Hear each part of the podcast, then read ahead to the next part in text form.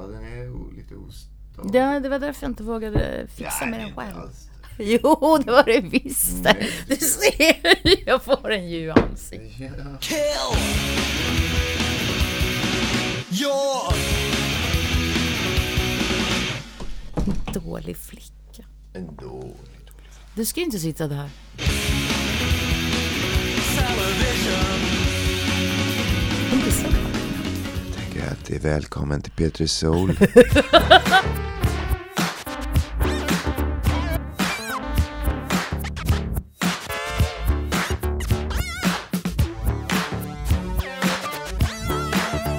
Jag vill göra en Buster Rhymes special. Buster Rhymes. Ja, du.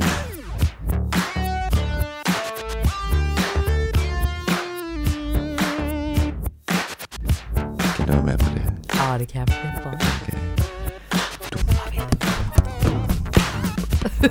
Okej. Alltså, jag beatboxar.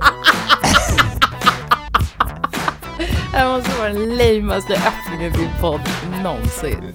Buster Rhymes special. Yeah, this is a story of famous dog. But the dog that chases its tail will be busy. These are clapping dogs, rhythmic dogs, harmonic dogs, house dogs, street dogs, dogs of the world unite, dancing dogs. Principen med släkt och vänner att man ska hålla sig så down, Okej, ehm, funky dogs, nej. nasty dogs.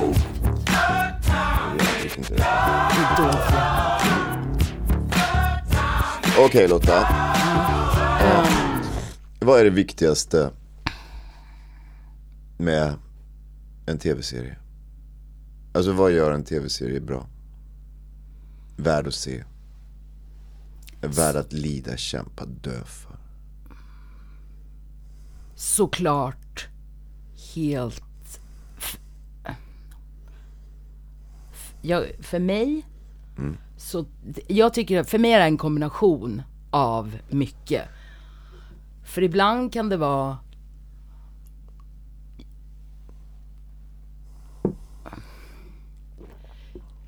För mig är det för det första skådespeleriet.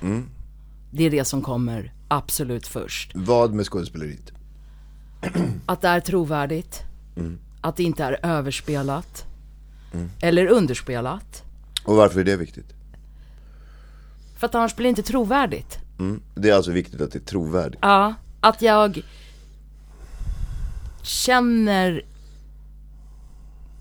med karaktären i skådespeleriet. Att, Mm, men det är väl olika saker. Trovärdigheten ja, det är väl en sak. Ja, det är det nog. Ja. Men, Alltså man kan ju vara trovärdig. Det finns ju massor med, med trovärdiga serier eller filmer och skådespeleri som man ändå tycker är helt ointressant. Eller? ja fast då har jag nog gett upp. Ja, för mig är det också en förutsättning att, det, att jag tror på det. På något sätt, vad det nu är. Men att Ja. jag tror på illusionen som skådespelarna Som- skapar. Exakt. Det tycker jag är det första. Sen, nu så har jag, jag ska villigt erkänna, jag har inte tittat på någonting den här veckan. Men mera, vad är mer viktigt? Eh, för så här, som nu till exempel då, som jag, nu har jag fortsatt bara att titta på den här For All Mankind. Så nu är jag på sista avsnittet i sista säsongen. Och där är ju skådespeleriet väldigt ojämnt. Men där har de lyckats med att dra igång handlingen. Det händer hela tiden någonting så, man, så att min nyfikenhet väcks. Även om det ibland är ganska banalt, så är det tillräckligt förstår, för men, att jag ska titta vidare. ja, men det betyder väl ingenting att det händer nya saker, eller så här, man undrar hur det ska gå, om man inte tror på det som sker. Nej men det gör man ju inte i alla fall för de är för fan på Mars. Så det är ju så här, Ja, men, men även om du är hemma i ett kök på, på Östermalm så alltså, alltså egentligen så tror du ju inte på det Därför att du vet ju att det inte händer på riktigt Nej. liksom. Eh, Men För mig är det så att när jag inte tror på det så tappar jag intresset Mm, men det gör jag också. Ja men det, det är egentligen löjligt för att man vet ju att det är skådespelare att det inte händer på riktigt Absolut, visst är det så. Men jag tror, för mig i alla fall, att en del av det är också att det finns någon form av igenkänning. Um, och det tror jag att man kan se i nästan allt man tittar på som är bra. I alla fall kan jag göra det. Och så fort jag känner igenkänning eh, med en karaktär så blir det värt att titta vidare. Mm. Ehm, Kan det vara en igenkänning med en situation? det kan vara en situation, en det kan vara en relation. det kan vara en känsla. Eh, Ja, det kan vara, vara... Så tror jag det är för alla. Ja. Eh, Däremot så behöver jag inte känna, alltså, åh, han är precis som jag. Nej! Det, för det, det är ju helt o, det är ju banalt. Det tror inte jag på. Det är som, då kan man ju lika bra sitta och läsa quotes på Instagram. Mm. Men alltså, det tror jag inte på. Nej men det måste ju Eh. vara att man hittar någon pusselbit Mm. som man har letat efter eller så. Eller tror att man Mm. hittar. Eller tror att man ska hitta. Någonting som har med en själv att göra Mm. i alla fall. Eller med ens liv att göra. Med de frågor som man brottas med. Ja, precis. Eh, eller så kan det vara så liksom enkelt att ibland för mig, om det är någonting, alltså till exempel den här skitfilmen som kom med Lady Gaga och Bradley Cooper, som den här remaken på A Star Is Born. Som vann 30 Oscars. Det tror jag inte. I alla fall för mig att han vann en Oscar för en skit. Nej, det tror jag. Ja, skitsamma, vilket som. Ehm, där va, tyckte jag att, där kände jag lite så här, eh, den här utslagna, liksom grava, alkoholiserade mannen. Men det var väl en sång och dansfilm? Ja, precis. Eller ja, det, det var inte bara sång och dans, men där blev det så... Alltså jag fick någon... När jag såg den här, för, det här förfallet i honom så bara kom jag ihåg jag själv levde liksom med med mitt ex på slutet. Då var det liksom sådär. Och det är så jävla banalt att säga när liksom when art imitates life eller liksom. Men då, och den var ju inte alls bra den filmen. Men då fick jag någon sån här känsla att jag kunde känna med henne det här hopplösheten. Eh, Men, nej men jag tror, alltså det är också en anledning till att jag ser om saker som jag älskar. För att jag vet, för att det, jag vet vad jag får. Ja men apropå hopplöshet, alltså Living Las Vegas till exempel. Den har jag sett kanske tio gånger. Mm. Ja.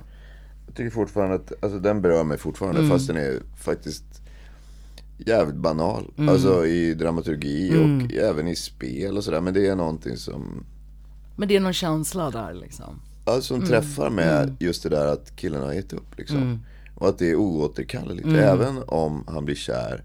Alltså så här, det är bortom liksom. Och det, eh, det är väl antagligen för att man är ja, Du har ju liksom erfarenhet av att leva med en sån människa. Men för mig tror jag mer att, att jag är rädd för att hamna där själv. Alltså att, att man kämpar med att inte släppa taget så. Då kan det vara befriande att titta på någon som vågar släppa taget. Alltså, eller en bild av, för det är ju ändå bara skådespelare såklart. Ja. Det är nog inte så roligt att titta på det som du fick göra i, i verkligheten. Nej. Nej det är ju, det är ju inte, det, nej, det, nej det är det verkligen inte. Men, eh, ja men vad är det för dig då? Nej men anle- anledningen till att jag frågar Ja, är är att, att jag tittar på den här förfärliga jävla haverit. Alltså, jury duty. Ja. Som ni sitter och pratar om och säger, alltså ni, ni säger på fullt allvar att det är en som inte vet om att det här är liksom eh, en, eh, att han spelar den som inte vet. Jag tror inte att jag sa det, men jag tror att Mattias sa det. Jag tror att Rolf Hypnol var inne på det spåret. Rolf Hypnol är inte här idag. Eh, Nej, han är inte här idag. Han är ju på väg till USA. Ja, och våra tankar går också till hans son som fyller år. Ja! Happy birthday Cedric! Ja, visst. Eh, det, vi saknar ju matte såklart. Men det hade varit roligt att diskutera det här med matte. Därför att eh, ingen människa kan vara så dum så att han inte fattar att de här jävla revyskådespelarna spelar teater. Ja. Alltså för att de är så oerhört dåliga Ja. på att spela sina roller. Alltså allt ifrån liksom, alltså när de svarar i telefon till, alltså, till när de håller på och stöter på honom eller, eller den här jävla Marston som är, alltså, han, ingen kändis eller liksom offentlig person skulle bete sig på det där viset. Alltså det finns inte en chans. Fast jag tror att det finns kändisar som beter sig på det där Nej, nej, nej. sättet. Inte en chans. Jo, jag tror Nej. det. Jag tror att du... Ja men, ja, men kanske, alltså ytligt sett kanske visst. Alltså, ja, att man kan säga liksom, ja du kanske känner igen mig och du kanske förstår att jag har ett viktigt möte med en Men alltså så här, jag tror, vet du vad, jag bara för att avbryta det lite snabbt. Jag tror också att du utgår ifrån dig själv nu nej, såklart. Men, nej, nej men alltså, jag, jag har väl sett eh, kollegor alltså, som beter sig ungefär, alltså rent ytligt Mm. sett, beter sig ungefär på det sättet för att få fördelar Mm. eller eh, imponera på allt från liksom eh, potentiella älskarinnor eller så, Mm. liksom till taxichaufförer till att komma före en krogkö och så vidare och så vidare och så vidare. Men det där är så dåligt spelat. Alltså för det första, han är ju, när Marston är ju en av världens sämsta skådespelare genom tiden. Ja. Och sen så har de bara också raggat ihop något jävla gäng revyskådespelare.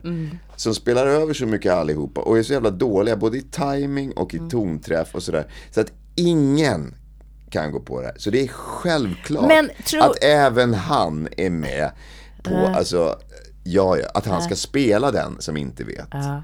Men tror du inte att, att, alltså för, det skulle ju, alltså det, de, det skulle ju kunna vara sådär på riktigt. Nej men det, det är samma sak som att folk tror att man röstar i Melodifestivalen. Alltså... precis, som att, Vem tror det? nej, men precis som att SVT liksom skulle lämna det åt svenska folket. Det är alltså... Det, Alltså du, ibland är du så cynisk. ja, men, Ja. nej, men det är klart alltså att- jag har aldrig det är röstat klart till att- Melodifestivalen Nej, men det är klart att det är vet inte. Mm. korrupt liksom. Alltså, om det är så mycket pengar involverat som att göra en tv-serie. Mm. Då är det klart, man, det lämnar man ju inte åt slumpen. Alltså, så då är det klart att de har tagit någon jävel liksom. Men det, då borde de åtminstone ha tagit en bra skådespelare i den rollen. Han som ska spela Mm. ovetande. Men han är ju lika dålig han.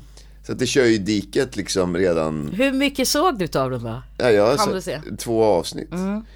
Och det, alltså det är, är det är så dåligt. Mm. Man märker också att de liksom inte gör någon skillnad på när de har liksom eh, när de har sina bakom intervjuer eller vad man ska säga för Mm. filmen då. Och när de eh, spelar, alltså sitter i den vanliga scenen. Liksom. Alltså när den här tönten ska säga att han är rasist för att komma Ja. undan där. Den här killen som, som då ska vara den som inte vet. Alltså han sitter och spelar över så mycket där i liksom, han spelar så mycket för kamerorna så att det är absolut, alltså det är bara självklart att det där inte har, alltså, och då faller ju hela idén. Ja. Alltså, för då är det ju ingen Truman Nej. show liksom. Alltså, Nej. och att Alltså man tappar ju också hoppet för liksom publiken, alltså för mänskligheten överhuvudtaget. Om man kan, om man inte fattar att det där är fake. Det blir såhär, vad fan. Och det är också så deppigt som skådespelare, för då är det så här, ja, är det där köper de liksom. Och de köper liksom, en så här, någon idol fitta. Alltså, sen bara, ska jag halka in för att den har 55 miljoner följare på Instagram. Alltså där, ja, det är bara deppigt. Är, är det där var så jävla dåligt på alla sätt. För att det är en, annars skulle det vara en jävligt spännande idé. Alltså den enda som jag köper skådespeleriet på är den här domaren. Han kör faktiskt ganska bra, även om det är klyschigt. För, att, för att han, han liksom spelar som alla domare i alla true crime grejer man har sett. Uh, alltså han är en, en klyscha av en domare. Men det gör han i alla fall med någon slags eh, skärpa och trovärdighet. Även om det är en töntig karaktär. Men obegåvade skådespelare vrider ju ofta sina karaktärer till något töntigt. Liksom. Men skitsamma. Han han, han är i alla fall inte pinsam i sitt spel. Alla andra är så jävla dåliga. Så att det är för fan sämre än Lassgård. Åh, fuckboy Lassgård. Ja, nej men eh, absolut. Ja, nej, så där, det, det var synd att inte Matte var här idag. För att det hade varit kul att, att diskutera det med honom. För att om han på riktigt tror att den här killen på riktigt inte vet om. Men egentligen spelar det någon roll? Det är klart det gör. Okej. Det, det spelar ju all roll. Det, det, det, det är Ja, klart jag att bara- det jag bara- spelar roll. Nej men jag bara frågar. Nej men, alltså. Det, det är ju kontroversiellt, tycker Mm. jag, att utsätta någon för det. Alltså så här. eh, har man rätt att göra det? Alltså Mm. det blir ju massor med energi i, i själva grejen. Alltså Mm. som första gången Robinson var på tv. Alltså så här. eh, har vi rätt att utsätta de här människorna Mm. för den här situationen? Alltså låta dem vara apor i en bur som liksom vi ska filma och sådär. Eh, på samma sätt så blir det ju ett steg till om man säger så här, har vi rätt att utsätta någon för det här som inte vet om att han blir filmad? Men nu är det ju så uppenbart från första jävla rutan att han vet mycket väl vad fan det här är. Alltså det är Bolibomp, det är liksom Stål-Henrik. Eh, som att man skulle låtsas att Stål-Henrik inte visste om att han var med i Stål-Henrik och Stålfarfar eller vad fan det är. Alltså, Vad pratar du om nu? det är någon jävla Bolibompa-program som, Ja. en, som jag gick i, på scenskolan med. Ja, okej. Henrik Stål. Okej. Han var ju Stål-Henrik då. Vadå, i barnprogram? Var det då barnprogram eller vadå? Ja, Ja. ja, han fick ju såklart inga riktiga skådespelargig. Så att, nu spelar, ja, nej nu spelar han in Somna med Henrik. Vad är det Det är en för podd. Nej, Där han bara pratar goja. ska man somna till det då? Och det är skit, det är skit, alltså det, det är värsta lyssningen. Som, pratar, Alltså jag har träffat folk som somnar till Henrik. Alltså, pratar man lugnt och... jag vet inte, jag har inte orkat Sansat lyssna. Alltså, eh, Det kanske är något för mig som har så svårt att sova. Jag kanske ska somna med Henrik på nätterna. åh fy fan. Åh, Gud vad hemskt. Hellre vargen. Ja. Har du sett något annat då? Eh, sen har jag ju bara sett dokumentärer Mm. och, och det är dokumentärförbud. Nej det är det inte, vad fan. Är Matte är inte Matte här? är inte här så han kan inte, Majen är inte här så han kan Nej. inte bestämma över oss. Nej, jag har ju sett en som heter, eh, nu vet jag fan inte vad den heter och vad den går, men Natalia är ett litet adoptivbarn. Som är dvärgväxt, eller vad säger man, eh, småvuxen. Mm, mm, ja, det gör man väl. Ja men där, i, i den säger de ju dwarfism. Ja. Alltså så i, i, på, på engelska säger Kortväxt eller, A eller little småväxt. Ja, little säger people. Ja, Little people eller eh, she's got dwarfism. right. Ja, så att man får ju tydligen säga dvärgväxt på engelska. But I think dwarfism is the medical charm. Ja, ja, little people känns ju inte riktigt medicinskt. So we're gonna diagnose you with little people syndrome. So there's that. And I think dwarfism Nej, is, ja. Ja, skitsamma. I alla Ja. fall, så hon blir då bortadopterad. Mm. Eh, som femåring tror jag, eller om det är sexåring. Eh, men Det här utspelar sig, i USA. ja. Det är en helt skruvad familj. Som redan har gjort till någon så här uh, goals att ta hand om eh, autistiska, de har själv eh, en autistisk son och ja, sådär, de, de liksom tar hand om eh, barn med, med särskilda behov och sådär. Eh, och ska vara liksom utåt sett den superfina familjen och sådär. Men de är helt skruvade. Och upptäcker ju ganska snart att den här femåringen har ju könshår och, och så vidare. surprise! Ja. I need to get a wax job. Och så, så och, nej men det- den, är, den här är bra på det sättet att det är, i, som i de bästa sådana här eh, skruvade true crime dokumentärerna, att, att man först får följa ja då, familjen liksom och deras, för de var ett helvete då, för hon är nämligen ond den här. Alltså hon går Eh, och fantiserar om att mörda familjemedlemmar. Står, när de vaknar på nätterna så står de med en kniv och ska hugga dem och sådana där saker. Så här, riktigt så här ond docka liksom. Chucky. Ja, ja men så. Alltså låter det ju som i första avsnittet då när man får det från deras sida. Ja.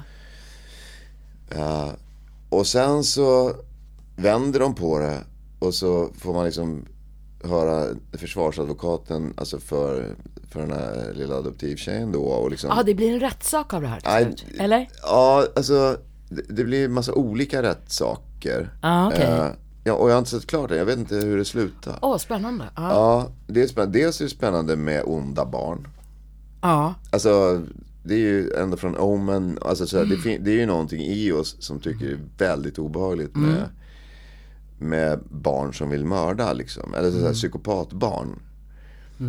Eh, och vi tycker ju, eller jag tycker åtminstone att det är otroligt obehagligt när man läser om, om små barn som mördar sina kompisar. Eller, alltså sådär. Det är mycket mer obehagligt än vuxna dårar. ja, för, det, för barn generellt sett är ju ansedda som oskyldiga.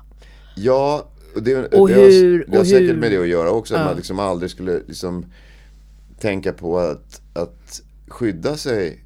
Mot ett barn på det Nej, sättet. alltså Nej. mot eh, sin egen son eller dotter. Alltså Nej, sådär. tvärtom så, så tänker man ju på att skydda barnen. Ja, Det är ju så man tänker. ja, sen, ja vad mysigt. Om du vill. Men ändå så är det ju barn som sen blir ja, ja. seriemördare. Ja. Eller, Ja, och de har ju nästan alltid varit eller? eh, på något sätt psykotiska som barn också. Mm. Och dödat djur eller sådär. Alltså, hållit på och plågat och hållit på Mm. med konstiga lekar. Så. Men i alla fall så är det, den, jag tycker den här dokumentären som heter, jag, någonting med Natalia heter den. Alltså vi hon- ska ta reda på det. men grejen är att hon låtsas att hon är, eh, eller grejen är så här, det är någon, hennes förra adoptivmamma. Låtsas att hon har adopterat henne från Ukraina. Ah, okej. Ja, hur kommer det sig att hon pratar perfekt amerikanska efter, Ja. liksom så här. eh, och så vidare. Och så visar det sig att den här förra adoptivmamman är helt knäpp. Och den nya familjen är helt knäpp. Ja. Eh, och det, det kanske blir så, jag vet, jag vet inte hur det slutar nu, men det kan ju bli så att det visar sig till slut att det är den här stackars tjejen som är den enda som är frisk liksom. Den heter eh, Curious, The Curious Case of Natalie Gra- Natalia Grace. Mm. Och den går på Amazon Prime. Eh, gör den. Exakt, Mm. den, det är den. Och Otroligt, eh, alltså apropå det där liksom, som du sa att, att det händer nya grejer och att man, alltså, att man inte kan sluta titta för att man undrar hur det ska gå. Ja. Det här är liksom, man, man, jag måste veta, vem veta. är Ja. Vem är det som är sjuk i huvudet? Och sen så är det antagligen så att alla är lika skadade. Men det det vet jag inte än. Nej. Eh, Tack.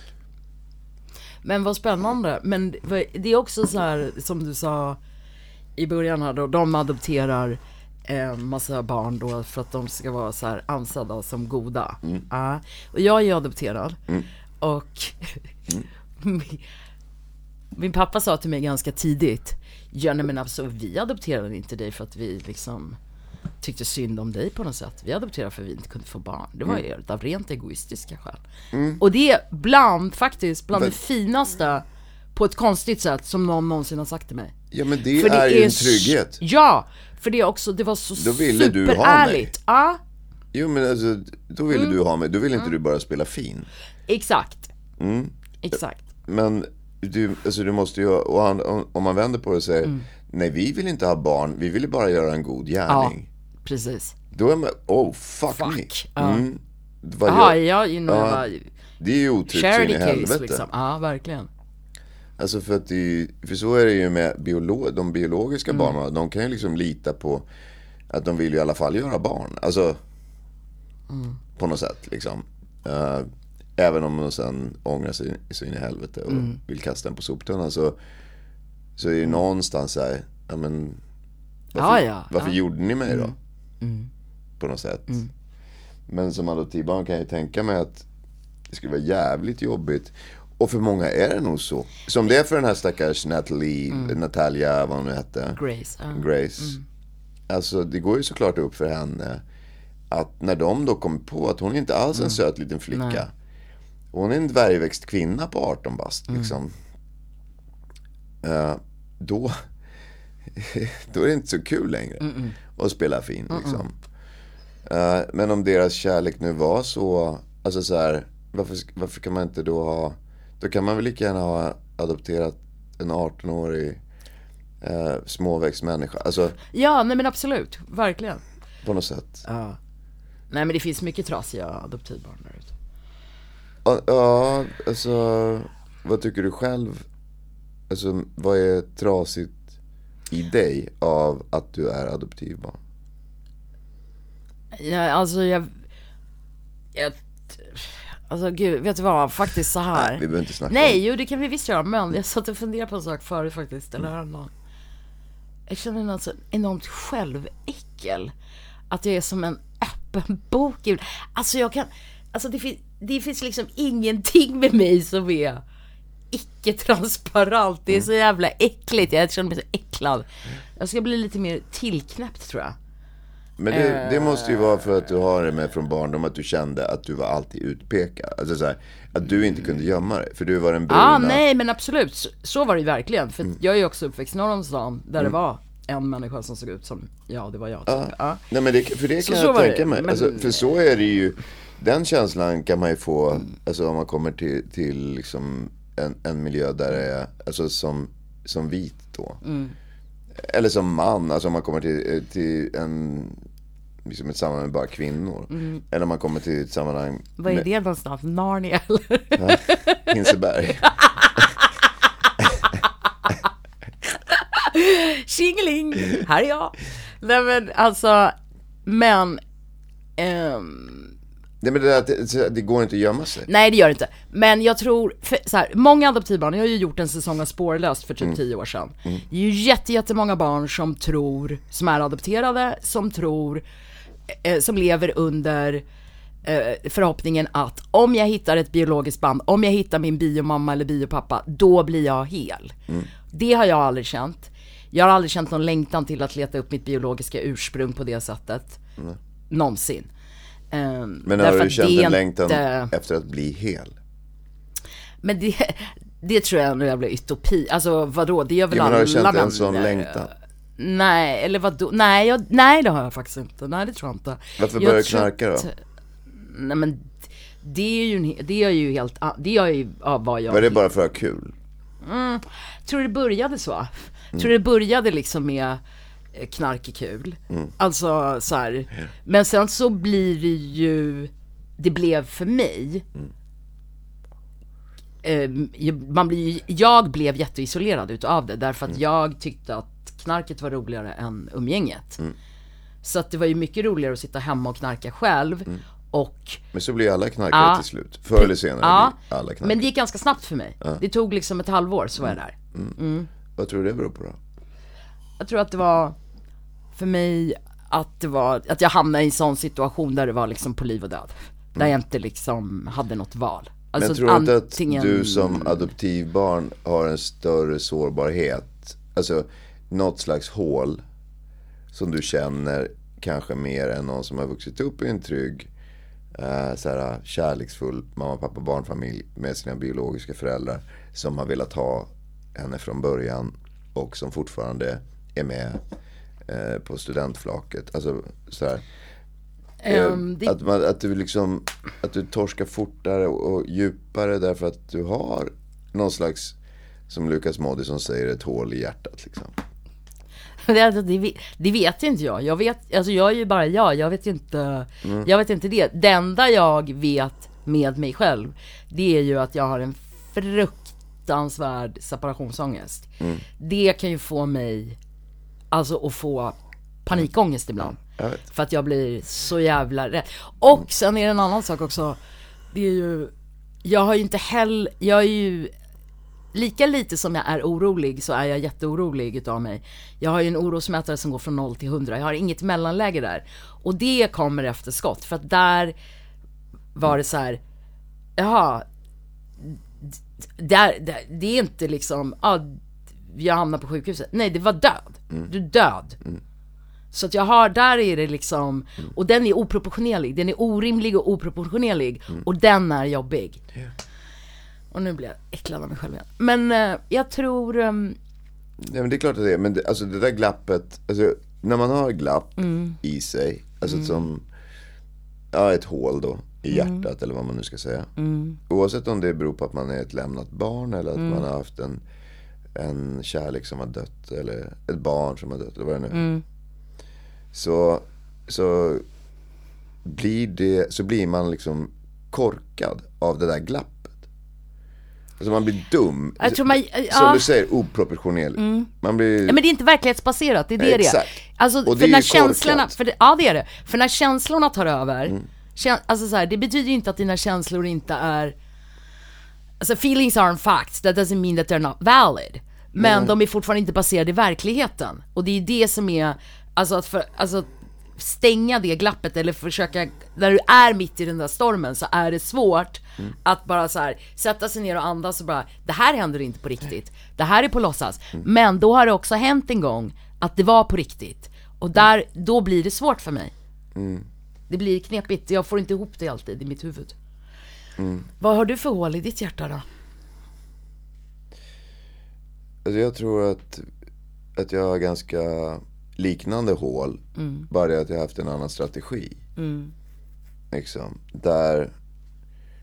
eh, alltså jag har ju säkert lika, inte kanske lika, men nästan lika stor separationsångest som du. Det är bara det att jag hanterar den på ett annat sätt. Alltså jag blir ju bara osentimental och alltså så här, Men det spelar väl ingen roll. Alltså, eh, man behöver väl inte höra av sig och, och det spelar väl ingen roll. Alltså sådär. Eh, men jag, så i, i alla relationer jag levt så har jag ju märkt på mig själv att jag blir helt knäpp liksom två dagar innan någon ska dra. Om det är jag eller, eller den jag lever med. Eller, Och den tiden jag hade så här barn varannan vecka, det var ju, jag höll ju på att gå under. Alltså för separationsångesten var ju hela veckan man hade barnen. Och sen så, liksom under den veckan som man inte hade barnen så hämtade man sig från det och sen precis Och så blir man inkastad i det det var igen. liksom en konstant separation. Ja. Och, så, och så vill man inte spela över det på barnen. Mm. Så går man och spelar någon slags teater om att det här är väl fine. Mm. Men det är inte alls fine. Alltså om du älskar någon så djupt och hårt och hett som Mm. du gör med ditt eget barn. Att liksom så här, ha varannan vecka. Alltså det, det, alltså det blir ju helt skruvat. Nej det är orimligt. Ja, det blir helt skruvat. Så man måste ju hitta en strategi. Antingen så kan man göra som, som till exempel min dotters mamma, att hela tiden ringa då var 50 minut och fråga vad gör hon här? Eller så kan man göra som jag, liksom säga Nej men jag har ingen separation, så det är fine och jag hade ingen mamma själv och där bara där så här. Men jag, jag tycker att vi... Ja, man skyddar sig ju på olika sätt. Ja, det är det jag menar. Alltså, och det är det också som är det där glappet. Att på det sättet man skyddar sig och på det man känner är det ju ett så jävla glapp emellan. Om man är eh, skadad. Vinklippt om man säger. Men det var en lång avstickare från eh, Terapitimme. Ja, The Curious Case of Of- Natalia Grace Ja precis. på Amazon Prime. Amazon Prime. Så den ska du se Lotta om du inte har sett den. Eh, alltså, f- inte kanske för att den är så jävla bra men för att eh, den kan vara intressant att diskutera. Det ställer ju också många frågor så här. Eh, ja men till exempel då, alltså som när du blev adopterad. Eh, så visste säkert inte dina föräldrar när de skrev under papperna liksom, att du hade TBC och en Jo. halv lunga. och- Jo det visste du. Okej. Ja, men jag vet i alla fall, jag, vet, jag har en, en väninna som adopterat barn från Kina som kommer stendöv liksom. Det, vet- och det ställer ju, då blir det en helt annan, alltså det är inte bara som, ah vilken gullig bebis vi fick. Utan det blir he, alltså, och så ska det vara operationer och alltså det blir ju eh, inte kanske det man såg framför sig. Nej. Nej. Och då blir det också så här, okej. eh, För att om, alltså om du föder ditt eget barn Mm. och det barnet eh, har någon, något handikapp Mm. eller liksom några grava problem som kräver mycket sjukvård eller pengar eller Mm. vad det nu är. Så blir det en intressant fråga. Alltså, okej, eh, kan jag älska det här barnet nu då?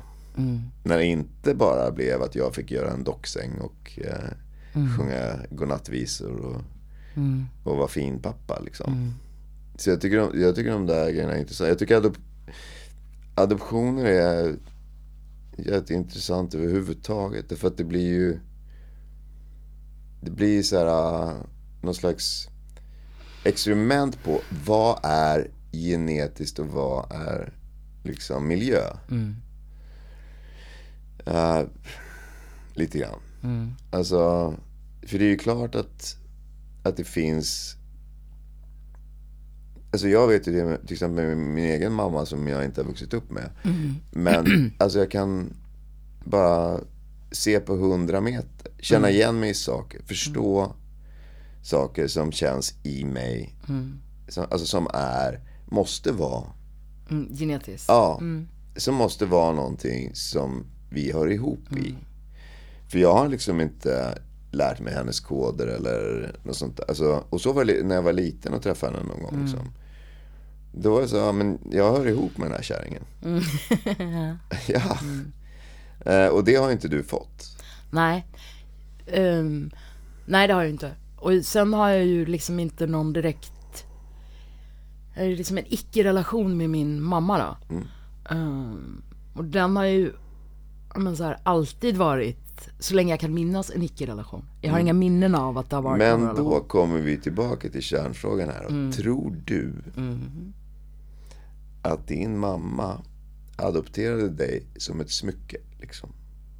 Alltså som, Nej, titta nej. vad fin jag är. Nej, det tror jag nej. Nej. nej. det tror jag verkligen inte. Hon kände att hon saknade någonting Mm. och hon trodde att det var, jag är barnlös. Så här, mamma och pappa försökte ju få egna barn. Mm. Men på den tiden så fanns det Så ju inte visste de inte att man IVF. behövde och- knulla för att få barn? jo, det tror jag. Men, eh, Försökte, de satt och bad i köksbordet. ja, nej, det tror jag inte. Det tror jag absolut inte att de gjorde. Men det fanns ju då inte IVF, det fanns ju inte provrörsbefruktning, det fanns ju liksom ingenting av det som finns idag. Så att då Det var var det, ju... också mer tabu, alltså mer så här, att säga jag kan inte få barn. För, ja, Det var väl också mer, eh, det, så var det säkert. Som allt annat. liksom. Ja men som allt annat var förr i tiden. Så var det, det är ju liksom inte bara det som var skam, skuld och skambelagt. Det finns ju visst. massor av, av saker som är. Ja. Men, som var, som Mm. kanske inte är längre. Men, eh, ehm, så de liksom gick i någon jätteutredning och Alltså det var ju, nu vet inte jag hur det är att adoptera. Nu, på den tiden så till exempel gick det ju inte att adoptera som ensamstående. Du fick absolut inte vara homosexuell. Alltså sådana saker. Två män. eller de grejerna är väl borta, men jag tror inte Ja. att det har blivit lättare. Nej, det är Snarare möjligt. tvärtom. Mm, jag det tror att möjligt. Mm. kraven i så fall har skärpts. Och där tror jag att, att de här intresseorganisationerna för adoptivbarn också ligger på och vill att det ska vara jätte, jättehårda Men krav. det spelar ingen roll för att grejen är slu- i slutändan så är det money talks. Därför att det är svindyrt att adoptera. Det kostar så mycket pengar så att det är liksom ingen garanti bara för att du går igenom en jävla utredning att du kommer till en familj som är liksom nej, nej, nej, sätt. visst. Så, så att, men, eh, Och men, sen så går det inte, men det är ju som med all, alltså all SOS, all BUP, all sån här som liksom Mm. i barnens intresse ska hålla på att kontrollera föräldrar. De skjuter ju alltid bredvid målet. Mm. Ja. De missar ju Mm. alltid de värsta. Och tar ju alltid bort folk på ytliga grejer. Mm. Liksom. Ja men så är det ju. Nej men så de gick igenom den där eh, liksom utredningen och sen så hade man, de hade de byggde ju ett jättestort hus och skulle ha massor av barn, kom aldrig några barn. Men sen så grannarna där då, eh, han hade eh, känningar i den indiska regeringen. Så att den här indiska familjen kom och, till Sverige, de var ju mycket i Sverige då. Så de, han åkte ju på någon rundresa där i Indien och skulle hitta the perfect child. Ja, och så hittade han mig och sen så var jag sjuk och Vilket jag... ju också är en äcklig grej. Eller fascistoid grej liksom. Alltså så här, om man nu ska adoptera, Mm. ska man åka och leta efter den perfekta? Nej men, det var väl kanske lite överdrivet. Men, han gjorde ju säkert, eller alltså, inte att dina föräldrar gjorde det menar jag, men Nej, att nej, de, men deras så- ja. kompis eh, vill ju säkert hitta ett bra exemplar. Ja, och så hittade de ett, en lämmel liksom.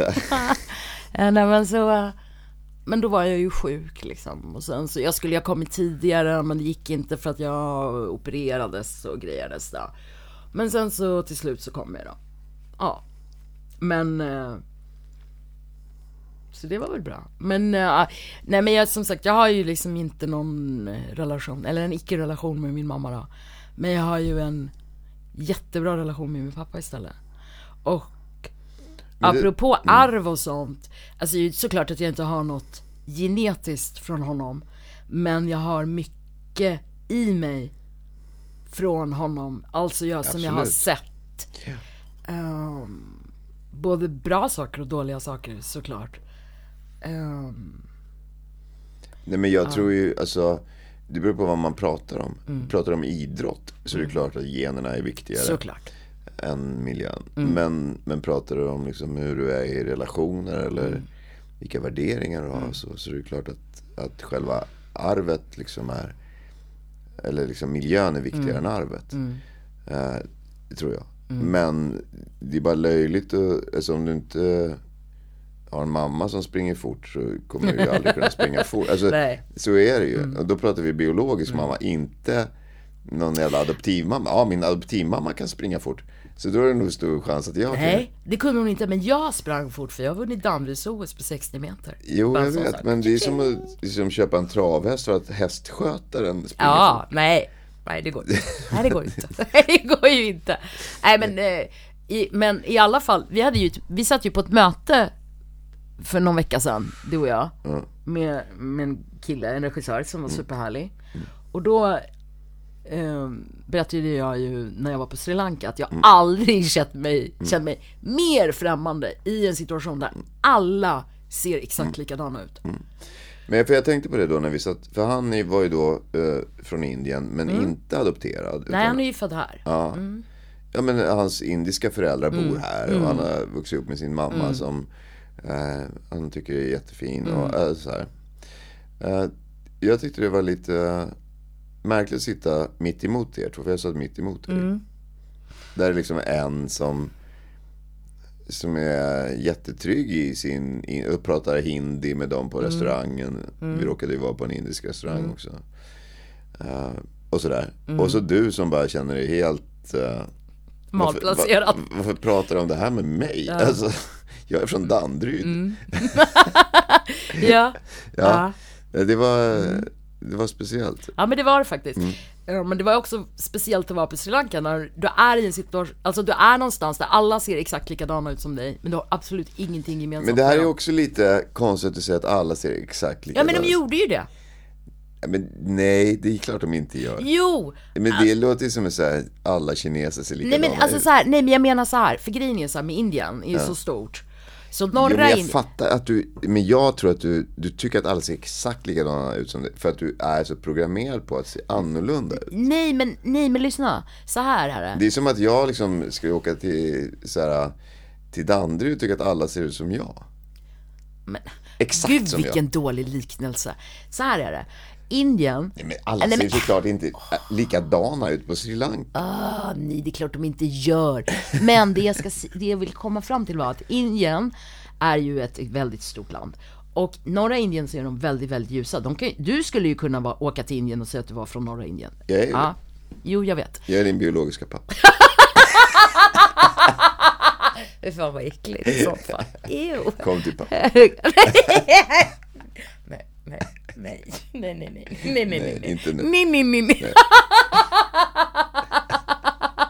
Nej, nej, nej, nej, nej men och sen så i södra Indien där jag är ifrån så är de ju mörkare som jag är, de har ju lockigt hår som jag har och så är det lite på Sri Lanka också. Det är det jag menar med liknelsen. Hade jag varit i jag norra Indien det. så hade jag ju inte jo, känt jo, mig. Jag förstår, Men, det, allt det där förstår jag. Men jag tycker fortfarande... nej men jag menar inte att alla ser likadana ut som Det så, det är inte så jag alltså, menar.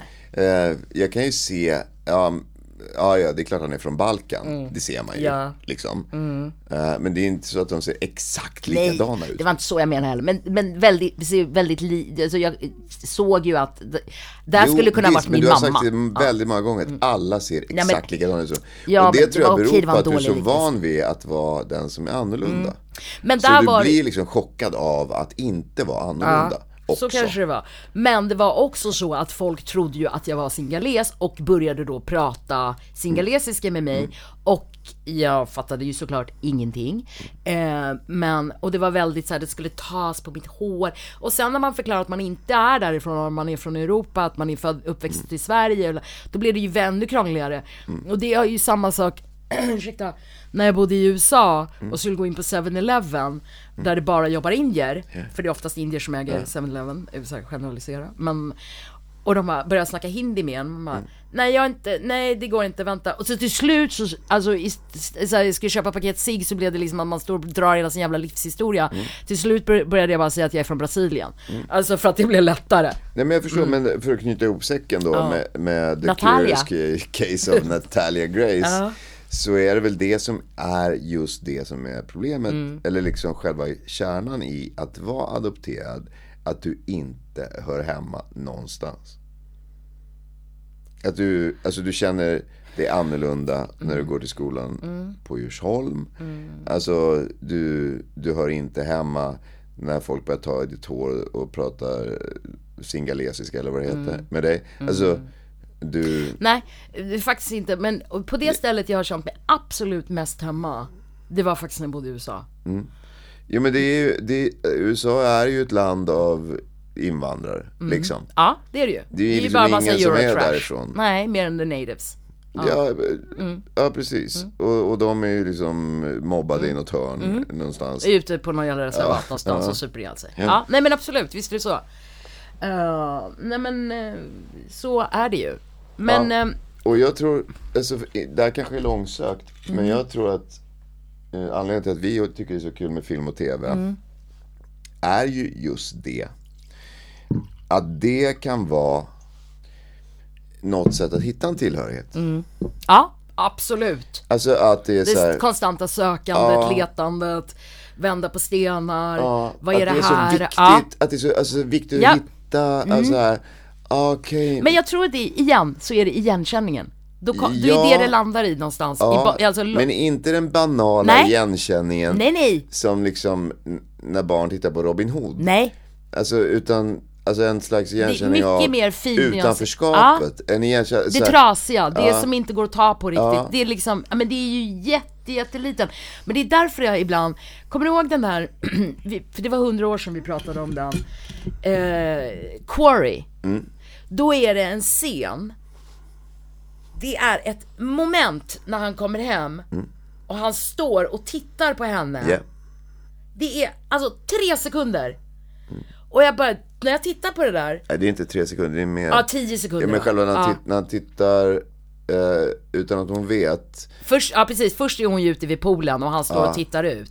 Men sen när hon kommer in så är det väl en 10-15 Mm. sekunder när han står och tittar på henne när han försöker liksom reda ut i huvudet vad det är som har hänt, om hon har varit otrogen eller ska Ja, hon pussa känner, mig eller... Jo men han känner ju också. Exakt. Men sen vet han ju inte eftersom han är ju liksom PTSD Ste- av ja. Mm. kriget. Så han tänker ju också så här, fan det här kanske bara är Bara mina mitt. spöken. Men hon ser nyknullad Ja, ut. precis. Tänker han ju. Och det är hon ju också. Det är hon ju, ja. Men de där 15 Men det vet ju inte vi i publiken heller då. Nej. Vilket gör det så jävla bra. Alltså den där Quarry, Ja. den är, den är genial Den är jag. jättebra. Men de där 15 sekunderna Ja. HBO va? HBO, Mm. yes. Q-U-A-R-R-Y. Jävligt Quarry, jobbigt ja. namn. Men de där 15 sekunderna, när jag så, alltså jag började storgråta när jag såg det och spolade tillbaka och tittade på det säkert 20 gånger, jag överdriver inte. Det är alltså, det för mig är när jag tittar, alltså när jag får så här. det, då är det värt det. Ja, Men det är ju inte så ofta man får det. Nej men det, alltså den är också så otroligt bra, alltså om man, om man själv har brottats liksom med svartsjuka Mm. eller med svartsjuka partners. Så är ju den, alltså det här med LP-skivorna till exempel. Mm. Ja, vad hände med min... eh, med den där, mm. ja. Och vad hände med alla mina grejer? Var det, ja, hon har rensat undan i hyllorna och, ja. Exakt. Och de spelar det så, Mm. båda två, så jävla bra. Och även när hon sen eh, erkänner. Mm. Ja, jag var ensam, alltså eh, det här har hänt, Mm. men nu är du här.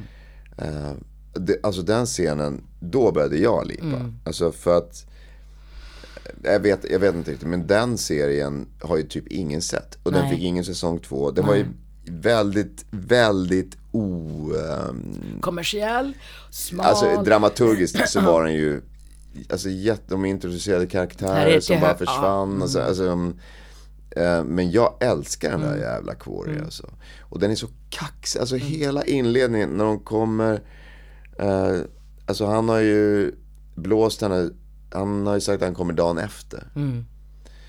Eh, Och man vet inte riktigt varför Nej. Eh, är det för att spionera på henne eller är det liksom för att han inte riktigt vet om han pallar komma hem? Och han vet liksom inte själv riktigt. Eller är det bara för att han vill vara snäll och överraska henne? Alltså, Nej men alltså de har ju liksom någon sån här, så här welcome home grej dagen efter då. Men då har han ju redan kommit, alltså allting blir så jävla, ja det är väldigt, eh, ja. det, det är riktig ångest. Det är det eh, faktiskt. ångestserie Ja. och det är antagligen därför den inte fick någon uppföljare. För den, den fick nog inte så mycket tittning för den är, Förmodligen inte, inte. den är nog inte så hittig men fan Nej. vad bra den är alltså. Mm. Jag håller med dig. Corey. Men eh, vi har ju fått en massa frågor. Vi kan väl knyta ihop det här lite. Vi kan ju försöka. Vi kan försöka. Ehm, ah, eh, någon som går under namnet Dear, D-E-R-L-O-W, Dear Low. På Instagram undrar, vilken, vilka skådisar tycker du mest om, mest och minst om att jobba med? Det behöver inte namnge, det kan ju vara nå-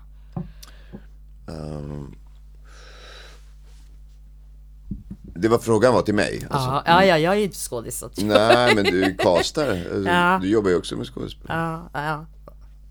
Ja. ja, det är sant. Det. Eller jag har också jobbat med den som manager och sådär. Nej, eh, den jag tyckte mest om att jobba med är ju död tyvärr. Johanna Sällström. Hon var vaknast, alltså alltid, alltså gnällde aldrig. Och var hela tiden med. Alltså oavsett om hon hade eh, åkt till Stockholm och lämnat sitt barn och åkt tillbaka och inte sovit en blund. Och, Så var det aldrig något. Alltså hon skyllde aldrig på att hon var trött eller att hon var ledsen eller sådär. Hon var alltid med. Eh, och hon var och också intressanta val. Alltså sådär att hon gjorde saker som, men vad gör du nu? Ja, men, Hon fick alltså- dig på tårna liksom. Ja, och hon var också alltid med. Mm. Om jag själv så här, välte ut en flaska bara Mm. för att testa, är du med då? Liksom. Så var hon med. Så fortsatte hon spela scenen och torkade upp eller, eller skällde ut mig eller slog ner huvudet på mig. Alltså, nej, men det, alltså hon var verkligen fantastisk att jobba med. Ehm, jag, tyvärr så jag, tyck, alltså jag tycker fortfarande tycker jag är otroligt kul att jobba med Nomi. Eh, alltså i på manusstadie och liksom eh, när man pratar om jobbet och om grejer och om scener och om karaktärer och sådär. Men jag tycker inte att det är så jävla kul att jobba med henne. Alltså i en scen Nej. som skådespelare mot skådespelare. Ni, ni har ju gjort, ni gjorde ju Svinalängorna ihop. Ja, men vi spelade teater ihop också. Ja. Vi gjorde Just Kameliadamen det. Mm. på och sådär. Och det, liksom det, det var någonting som, som aldrig riktigt funkade. Men när ni gjorde Svinalängorna, då var ni gifta, eller hur? Ja. Är, det, är det liksom, hur är det att gå in i en karaktär med någon som man sen inte bara går därifrån med och håller handen med. Okej, nu är vi nog med Ola. Och sen, fast 20 sekunder innan så var vi Kalle och Stina. Alltså, är det, hur är det liksom den omställningen? Den är ju svår även om, om man är ett lyckligt par. Ja, Okej, var det inte så lyckligt där? Nej men om man, om man dessutom liksom håller på att skilja Ja, sig. Mm. Eller liksom inte, man har inte, man har inte ens inte sagt att Nej. fan nu räcker det. Nej. Mm. Men båda känner att vad fan det här håller ju inte. Och dessutom har ett litet barn. Mm. Och så bor man på något jävla vandrarhem i Ystad. Mm. Eh, alltså, och sen så, så har eh, den ena då liksom en jättetajt relation med regissören och en huvudroll. och Alltså så här. Och den andra förväntas vara mer barnflicka liksom.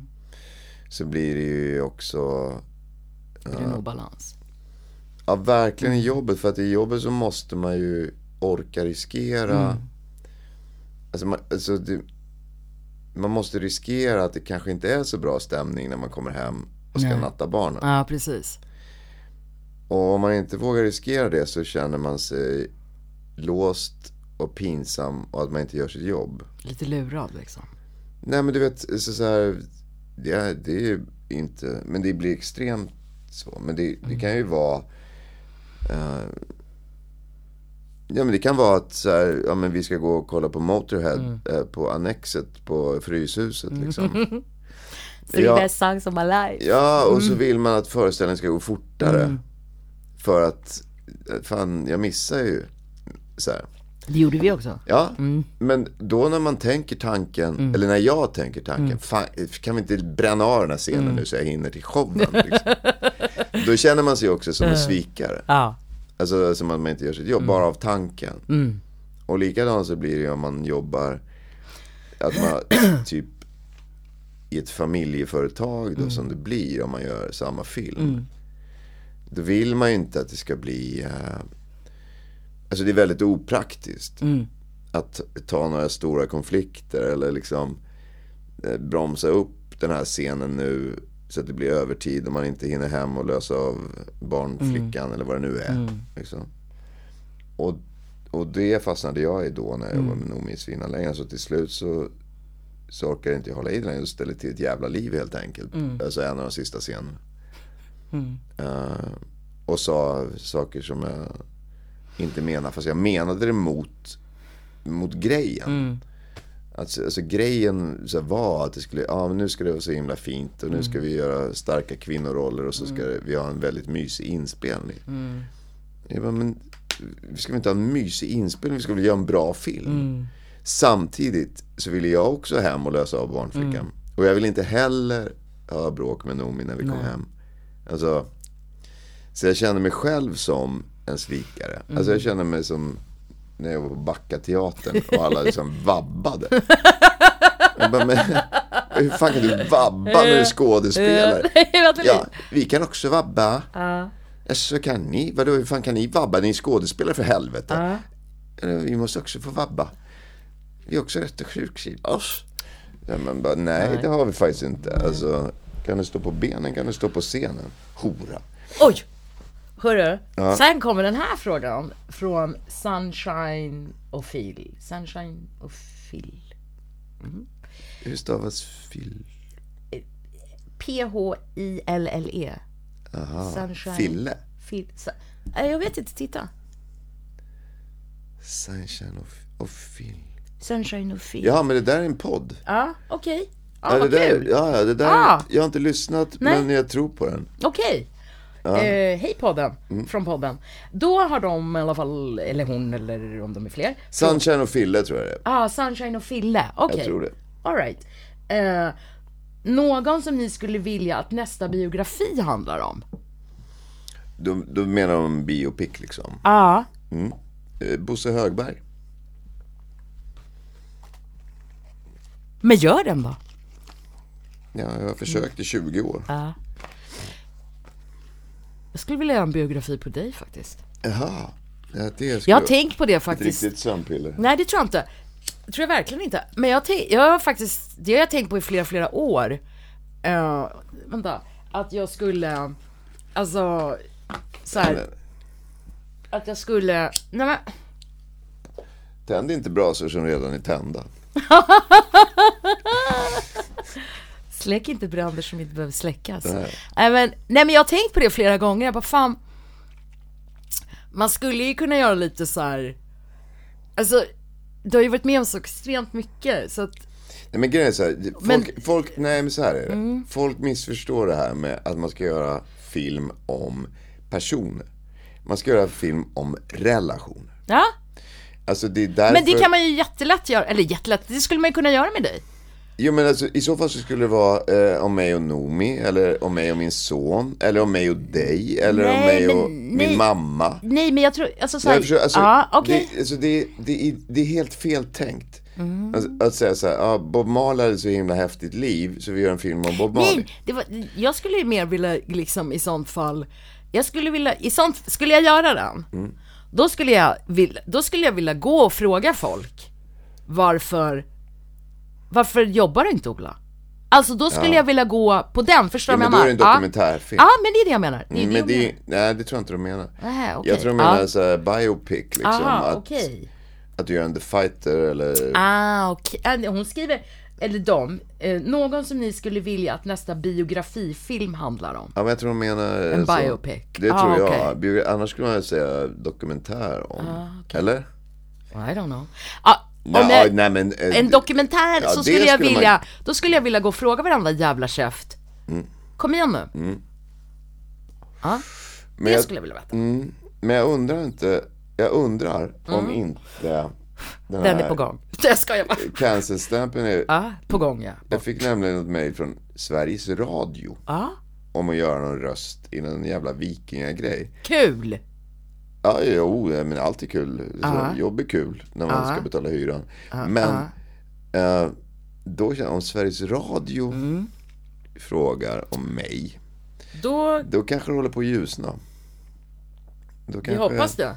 Det vore fan på tiden. För Mm. att det är sån jävla skam att Sveriges bästa skådis inte jobbar. Men, ja, jo, men Jo, tack. Men, nej, men, nej men så är det. det där, nu saknar vi Matte igen, för han brukar ju, det där har vi pratat om. Okej. Sen eh, frågar Oliver Edberg, vad hände, det här är jävligt lustigt. Vad hände med filmen som Ola skulle göra i Kambodja? Blir den av framöver?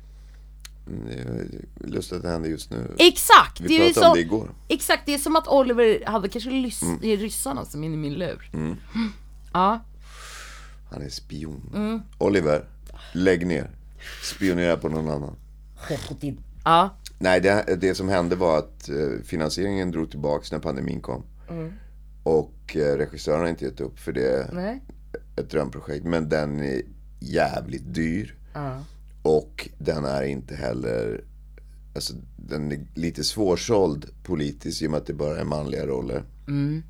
Eh, och eh, också manliga, så här, trasiga människor. Alltså så här, ehm, eh, eh, inte just nu men alltså det är väl, historiskt har det ju varit en jävla massa filmer om, om, om gnälliga män som har problem med droger och alkohol och kvinnor och så vidare.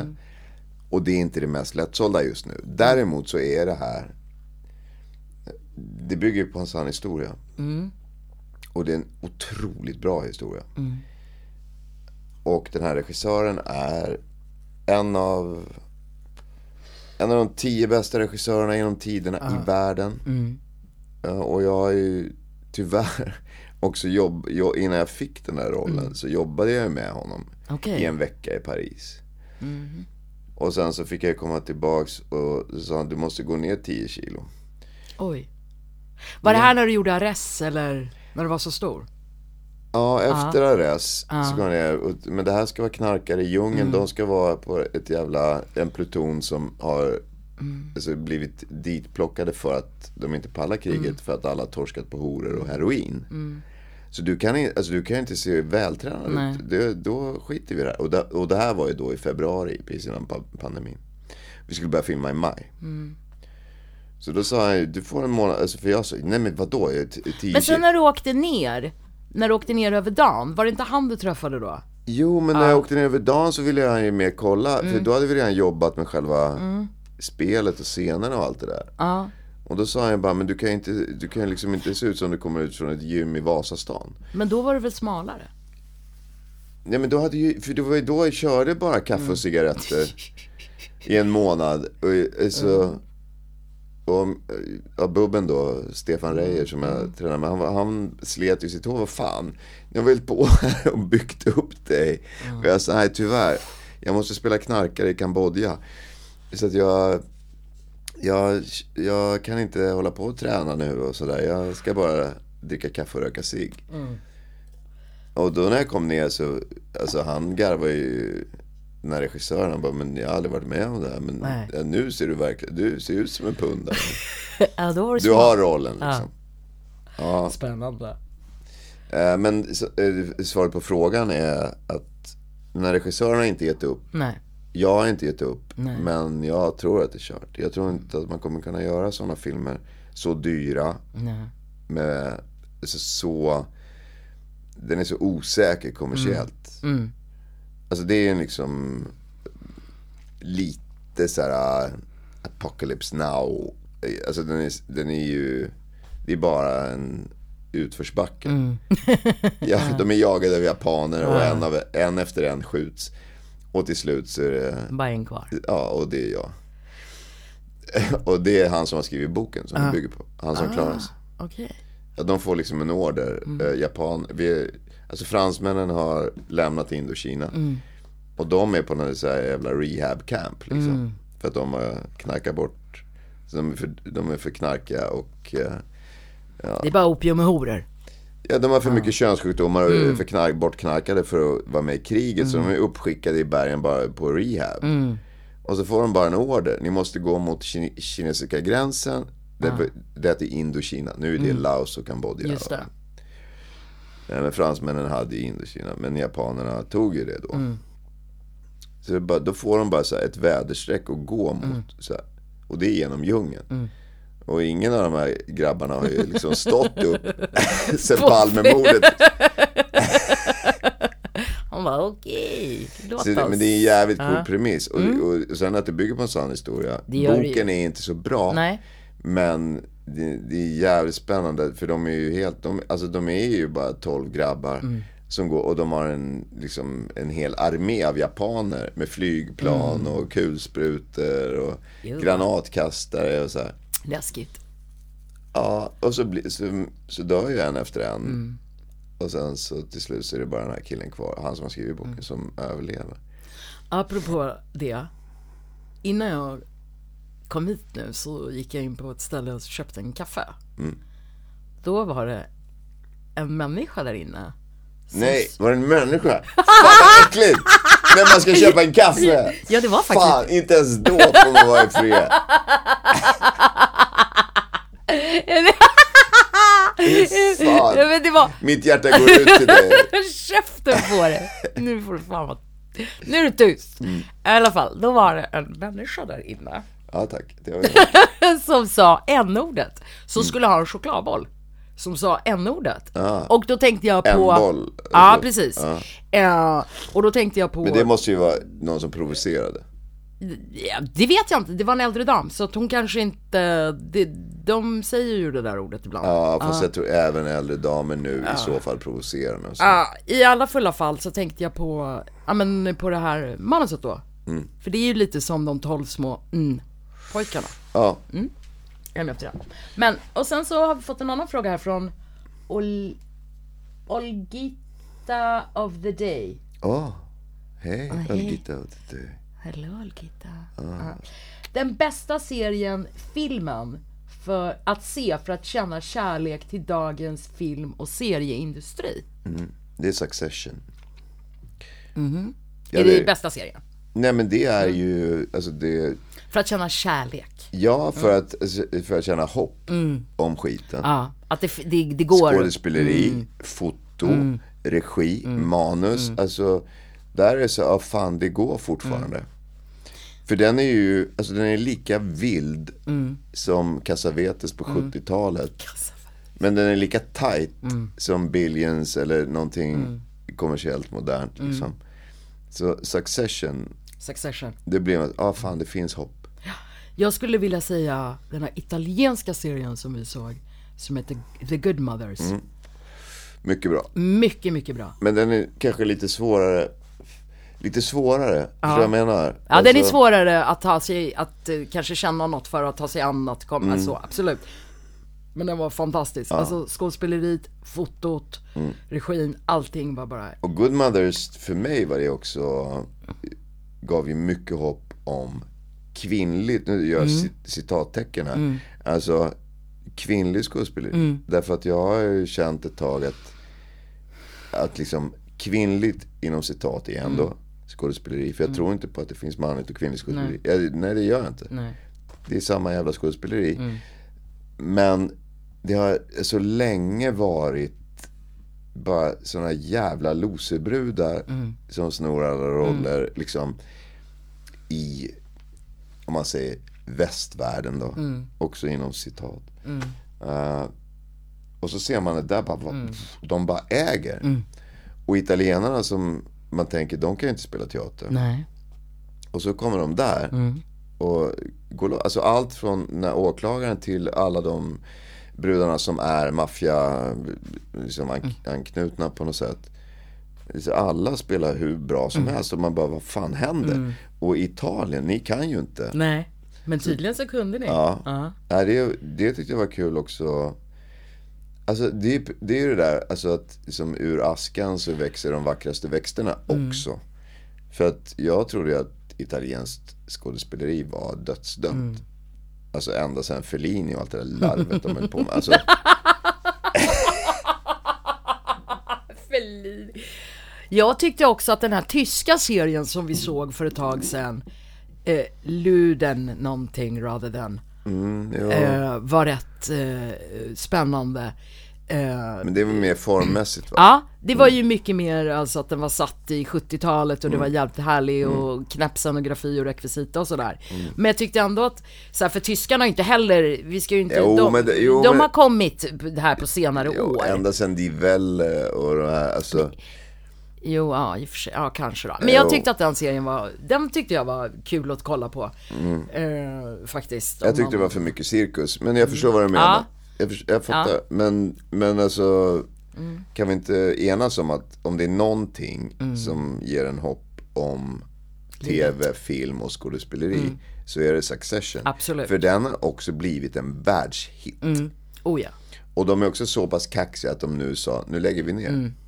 När det är som bäst. De gör inte som Billions och kör Nej. 105 säsonger till. Nej, liksom. Billions är så dåligt nu så det går inte ens att titta Nej, på. Nej, det är så jävla kass alltså. Ja. Fy fan. De skulle också ha lagt av för länge sedan. Ja, jo men det är lätt att säga. Mm. Ja, men, men själv det så. sitter du där och, och är tvungen att säga upp hyreskontraktet för att, alltså, det, man kan ju förstå att folk kör på Verkligen. när det regnar in pengar. Apropå eh, det nu då, så är det ju så att det är massor av, eller massor, det är tre stora produktioner i Sverige som de inte kommer köra nästa år.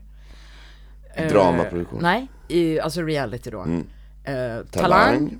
Let's Dance och Wild Kids som är alltså tre stora, nu pratar jag stora Wild. Kids är väl SVT? Ja. Eh, Men de tar ju bara mina skattepengar. De Mm. bryr sig väl inte om konju- konjunktur? Jo. Men- men SVT håller också på att omorganisera. Alla bolag håller, Men alltså SVT alla... ska ju ha skattepengar trots att man inte tjänar några Ja, pengar. that is true. Jävla SVT alltså. Fy fan vilken skam. ja, Hatar men SVT. det jag ska komma till är att det är eh, den branschen som jag har varit så jäkla bortskämd och fått jobba i i Mm. liksom 12 år. För helt plötsligt så finns det inga jobb. För det kommer inga... Och det är ju också, jag undrar också lite så här, vad ska vi titta på? För det är ju också en pågående strejk i USA som nu, man Jo, märker ju redan... Ju, nej, det kommer Nej, ju men- massor nu. Men jo. det, det kommer ju vara efter jul som Ja det men finns något det, ja, precis, ja det också men, men det är ju också massa produktioner nu som ställs. Ja. Som inte så här, ah, det där går inte att spela in, det här kommer inte komma, alltså så, här, så vi kommer ju hamna i ett glapp där det sen kommer inte finnas någonting att titta på. Mm. Eh, men det är ju som, som många har sagt också, det gör ju att ögonen vänds från USA och det kanske kommer mer drama till Europa istället. Det är ju spännande. Ja, och sen sa vi ju alldeles nyss att ur askan växer de vackraste blommorna.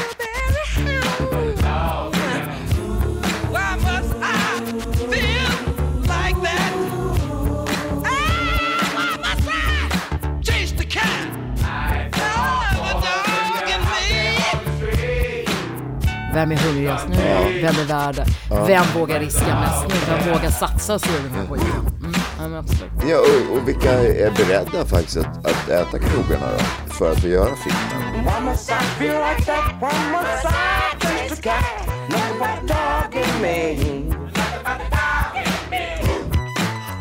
I feel like that? Must I taste the cat? Nothing but the dog in me. Why must I feel like that? Why must I taste the cat? Nothing but dog in me. Why must I feel like that? Why must I taste the cat? Nothing but the dog me.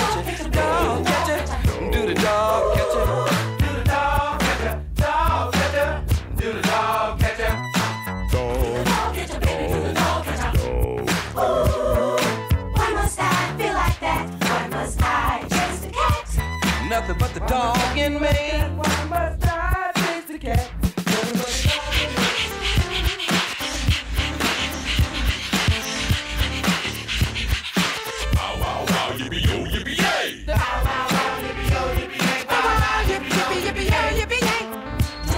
Dog. Vi hade en, en fantasy slash sci-fi uppgift. Ah, Ja. Så jag tvingade mig. Eller tvingade mig. Det var faktiskt så att den dök upp. Jag tror det var på Amazon Prime. Kan ha varit Disney. Någon av skitkanalerna. Ashoka. Det är alltså någon slags, eh, inte det Star Wars? ja någon spin-off på Star Wars. Ja, Jag, behöver inte säga att det är det sämsta sett. Nej. Liksom, att skådespeleriet är det sjukaste jag sett. Men jag har en fråga. Aha. Varför fortsätter det år efter år efter decennium efter fucking centennium? Så här, varför ska de här jävla robotarna se ut som ordningsmannen i klassen när man gick i trean? Och prata som dem? Borde man inte, alltså okej, det var något jävla misstag liksom när man gjorde Star Wars. Men ska man fortsätta med det 40 år senare? Menar du R2D2 eller vad menar du? Ja men mm, robotarna som... Aha. Mm, ja, mm, mm, och har någon sån här eh, studentikos humor. Okej. Alltså, som är... Lite så här slapstick liksom? eller? Nej, inte nej, slapstick. Det, ska ju, alltså, det här är ju bara mobbat dålig teater. Ah, okej. Alltså, de ska se ut som Henrik Ståhl. Alltså, Stål-Henrik. Somna med Henrik. Och låta som honom. Och ha samma humor som honom. Alltså, det är en sån här lundensisk jävla skithumor. Alltså. Ah, okej. Studentstads jävla humor. Alltså, Ah, okej. Och de ska också låta så. Och så här, skämmas på något sätt när de pratar med vackra kvinnor som är så jävla löjligt. Alltså, Ja, jag kan inte svara på den frågan faktiskt för att jag eh, har nog... nu var alltså jag hann ju bara se så länge. Det, det var en, en, en eh, snygg, vacker kvinna som Mm. spelade någon roll. Och sen så var det bara robotar resten. Så att jag vet inte. Nej. Eh, hon körde i diket liksom. Men konstigt när man får spela mot robotar som är studenter från Lund.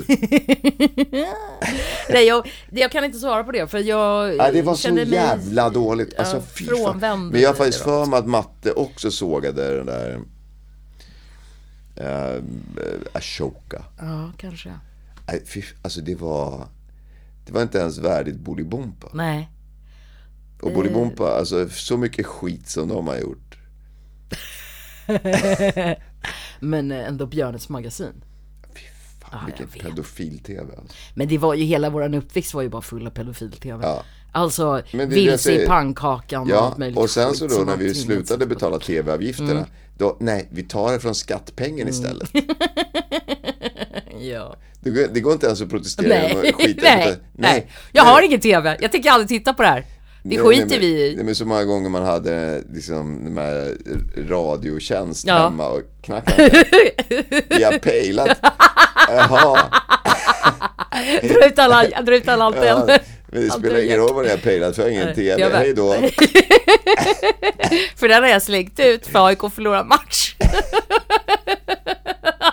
det är ju faktiskt en sann historia. Nej, nej, alltså när, alltså jag slutade ju Betala tv-avgiften. eh, när, när jag jobbade på SVT. Ja. ja men därför, alltså, Ja. då såg jag hur jävla dåligt de använde de här pengarna liksom. Så då kände jag, fan aldrig i livet. Nej. Alltså om man ska betala den här tv-licensen, då var det väl, var det, 345 spänn i månaden. Alltså den var ju svindyr. Mm. Och så fick man en sån här kvartalsräkning Ja. på 18 500 Det fick man 55 inte. miljoner, Nej. 77 000 fucking miljarder. Nej. nej men nu, nej. Nej men ja. Mm. det, alltså det här är ju så här typiskt Sverige. Ja, nej det är inte så att man liksom gör någon slags eh, de- debatt om, ska vi ha en tv-licens eller inte? Nej. Nej, vi tar bort den Ja. Mm. och så tar vi det på skatten istället. Ingen ska komma undan. Alltså det är nästan som att liksom, man förstår varför folk Mm. är Sverigedemokrater när man ser hur SVT sköts alltså. Nej men alltså det är så här, man blir ju populist för fan. Mm. När, de, när de bara kan göra så. Bara så här, okej. Det kanske beror, att folk slutar betala tv-licenser. Mm. Det kanske beror på att de inte tycker att det är värt Exakt. att betala för den Då här kanske, vi skiten. ska, då kanske vi ska lyssna på det istället och göra bättre, göra om Ja. ju rätt liksom. Ja, nej. Nej, Ja, då tar vi det på skatten istället så kan vi fortsätta ha semester. Alltså SVT, Jo, jag vet. Jo tack, jag vet. ja men alltså det är tre månader för att nu är det sommar. Mm, jo, jag vet. Då gör inte SVT någonting. För att nu har vi semester.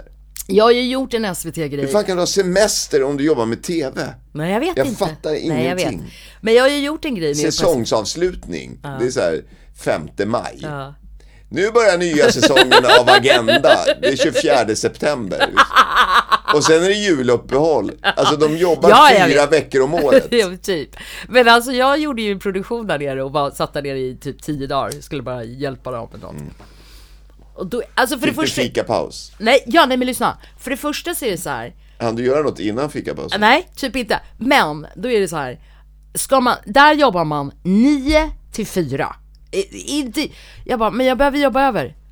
Jag bara, äh, då tittade all, då bara vände sig hela kontorslandskapet och bara tittade på mig så här. Ja. Tittade upp från sina datorer och bara Jobba över? Nej men jag måste åka och hämta barn och jag måste göra Jag bara, men alltså vi ska ju vara klara om tio Jag bara, det går ju inte Jag bara, ja och då fick jag gå ner till, till stora receptionen nere i liksom ankomsthallen Ja för det ser ut som en jävla flygplats när man kommer in där för övrigt Och hämta något extra kort För annars går det inte att komma ut från SVT Exakt. Varför är tror du jag och Erik fick stjäla Jo, jag kamera vet. från fotografen när vi gjorde tusenbröd och gömma oss under, Under sängarna för att Securitas skulle gå förbi. Ja, Och sen, ja, de, fulfilma ja. Nej men de går ju sin sista rond klockan 23. Ja, Sen kan man efter. filma hela natten. Natten, ja. Man kan inte gå ut då, Nej. då går ju värsta Nej, ja, då går larmet. Ja. ja, och det är skyddsobjekt. Ja. Så då kommer ju för fan insatsstyrkan. Säpo och hela skiten kommer, ja ja Nej men däremot kan man ju såklart filma hela natten. Ja. För det, är ingen jävel som ska sitta och jobba på natten på SVT. Nej. Nej, klockan fyra är det. Då är det, då är det. Ja. Ja, och och på, klockan elva är det fika. nej och inte bara fika, på fredagar då slutar vi tre. Mm. Jag bara, men alltså, ja, och det, så här, under alla åren som jag har jobbat i produktion, när jag suttit i redaktioner och sådär, så har det ju aldrig varit så här, vi jobbar 9 till 5. För vissa dagar så jobbar man 9 till 2, eller vissa dagar kanske man sitter hemma och jobbar, vissa dagar jobbar man 9 till 9. Alltså det beror ju helt på hur mycket man har att göra. Säg det till fackliga ombudet. Ja men alltså det är ju helt sinnessjukt när folk börjar med att Alltså att det, det ska vara någon jävla 40 timmars vecka när man jobbar med TV, det är ju så jävla befe- Då får du fan gå och ta ett annat jobb, då får du gå och sätta dig på Försäkringskassan. För det funkar inte så. Alltså jag tycker personligen om man jobbar med kreativa grejer, Men om det är redan tagit upp. inspelning Där och är så vi vidare. rörande ja, överens. det är liksom, där, där får Jo, du bara vi håll, käften, bit ihop. Annars ska du inte vara i den här branschen tror jag. Nej men du ska inte göra drama om det är så Nej. att du ska skriva om manus utifrån eh, 9 till 5 fackliga principen. regler. Nej, det går att det måste, alla Nej. scener måste vara dag. Ja. Nej. Därför att vi kan inte mörklägga och Nej. vi jobbar inte efter fyra. Nej. Ja men det är ju för fan inte mörkt innan Nej. fyra. Nej. Det är en, det är en utomhusscen och det är natt. Ja, Mm. Ja. jag vet inte hur ni ska lösa det. Nej. Det Men är... jag går ner, jag går jag går hem. hem nu, hej då! Hej då. Ja. Då går vi hem då också. Ja det gör vi. Ska vi gå hem nu också? Ja, om du inte vill sätta den första femman. Ah fuck, ska vi göra en första femma? Ja ah, men då är det ju... eh, Eh, det är väl eh, Natalia Grace ska väl med där. Alltså, hela den familjen, jag tycker... Hela familjen. Ja men autistiska brorsan är bra faktiskt. Han är bra. Okej. Nej jag tycker, nej, jag tycker både den första adoptivmamman, Mm. den andra adoptivmamman, adoptivpappan. Det är en bra forwardslinje. Mm. Sen så har vi Natalia och autistiska sonen. Är de backparet? Ja. Vem har det som center då? Nej, men Det är center- pappan kanske, Så är forwardslinjerna, Mm. det just ingår det, i center. va? Det är en Mm. målvakt som saknas då. Okej, en målvakt. Då, alltså, med tanke på vilken sopig första femma vi har. Mm. Alltså hur psykopatiska och, och sadistiska de är, Mm. de flesta av dem. Så sätter vi den här jävla roboten från Ashoka. Alltså han som sitter i putslustigt rolig där i... När han Mm. räddar henne i första scenen. Alltså, Vi sätter han i mål. han är mål, så får han bara ta stryk. Se hur Mm. mycket hans jävla låtsasplastkostym tar. Liksom. Det låter bra. Okej då, Vi säger så då. vi gör väl det. Förlåt för, för det här avsnittet. Förlåt för terapitimmen. jag blir så äcklad av mig själv. Ja, nej, det handlar om... Det här avsnittet har handlat om adoption. Och de konsekvenser det kan få känslomässigt för barn som ser ut som singaleser. Håll käften. Fan vad taskig du är. Ja, jag, är en, jag är en ond människa. Nej, det har jag inte sagt att du är. Det där, Jag är inte det lika där ond som Matte Sjödin som inte dyker upp dock. Nej, han är ju i Ja, grattis Sedan. Jag fyller också år, men det är ingen jävel som bryr sig om det. Det gör du inte! Du fyller inte år! Månår.